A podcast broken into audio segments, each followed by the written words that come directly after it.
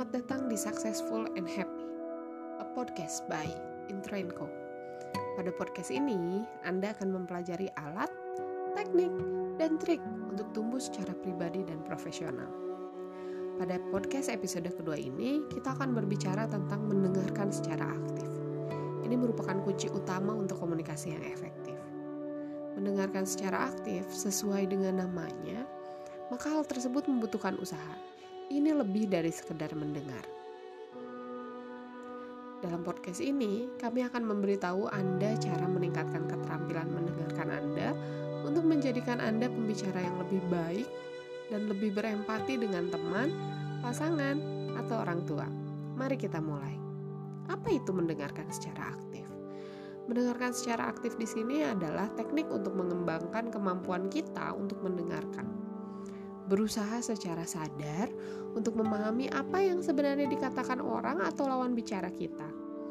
Sebagai teknik komunikasi, hal ini digunakan dalam banyak lingkungan profesional, seperti konseling, pelatihan, dan terapi. Dan yang paling penting, hal ini juga berharga untuk kehidupan sehari-hari. Ada tiga komponen inti dari mendengarkan secara aktif. Yang pertama adalah comprehending, retaining, dan responding.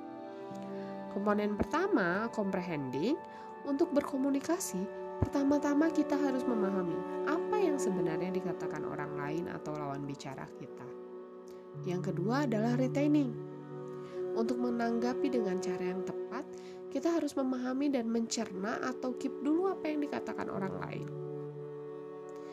Yang terakhir, barulah responding. Tanggapan aktif harus menunjukkan bahwa kita memahami apa yang dikatakan orang lain, memperhatikan kata-katanya, dan juga membaca isyarat nonverbal mereka. Mendengar itu tidak hanya dengan telinga, tapi kita juga harus peka pada isyarat nonverbal seperti gerak isyarat, bahasa tubuh, ekspresi wajah, kontak mata. Nah, sekarang Mari kita bahas tentang beberapa cara untuk meningkatkan keterampilan mendengarkan secara aktif. Pertama, didik diri Anda atau biasakan diri Anda mengenai bias dan kognitif shortcut yang umum. Maksudnya adalah tidak langsung berpikir cepat, menggunakan pengetahuan sepemahaman kita dan logika singkat. Kedua, hindari mencoba menanggapi dengan segera.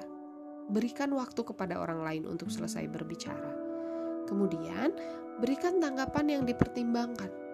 Tidak memotong, pahami dulu, tidak berbicara untuk menanggapi, tetapi berbicara untuk memahami. Ketiga, minimalkan narsisme percakapan dengan penggunaan kata ganti seperti saya. Dan keempat, barulah untuk mengembangkan gambaran yang jelas tentang logika orang lain berpikir dari sudut pandang orang tersebut. Nah, ini erat kaitannya dengan poin ketiga, dengan meminimalkan narsisme. Jadi, kita tidak selalu berpikir dari sudut pandang saya, kita tidak selalu berpikir atau menanggapi dengan sudut pandang kita saja, tapi kita berusaha untuk mengembangkan gambaran yang jelas tentang logika orang lain atau lawan bicara kita. Jika Anda ingin menguasai keterampilan mendengarkan secara aktif, pelatihan keterampilan mendengarkan aktif dari Intrainco akan membantu Anda. Kunjungi intrainco.com untuk mempelajari lebih lanjut. Terima kasih telah mendengarkan Successful and Happy, a podcast by Intrainco, tempat Anda mempelajari alat, teknik, dan trik untuk tumbuh secara pribadi dan profesional. Untuk informasi lebih lanjut, kunjungi intrainco.com.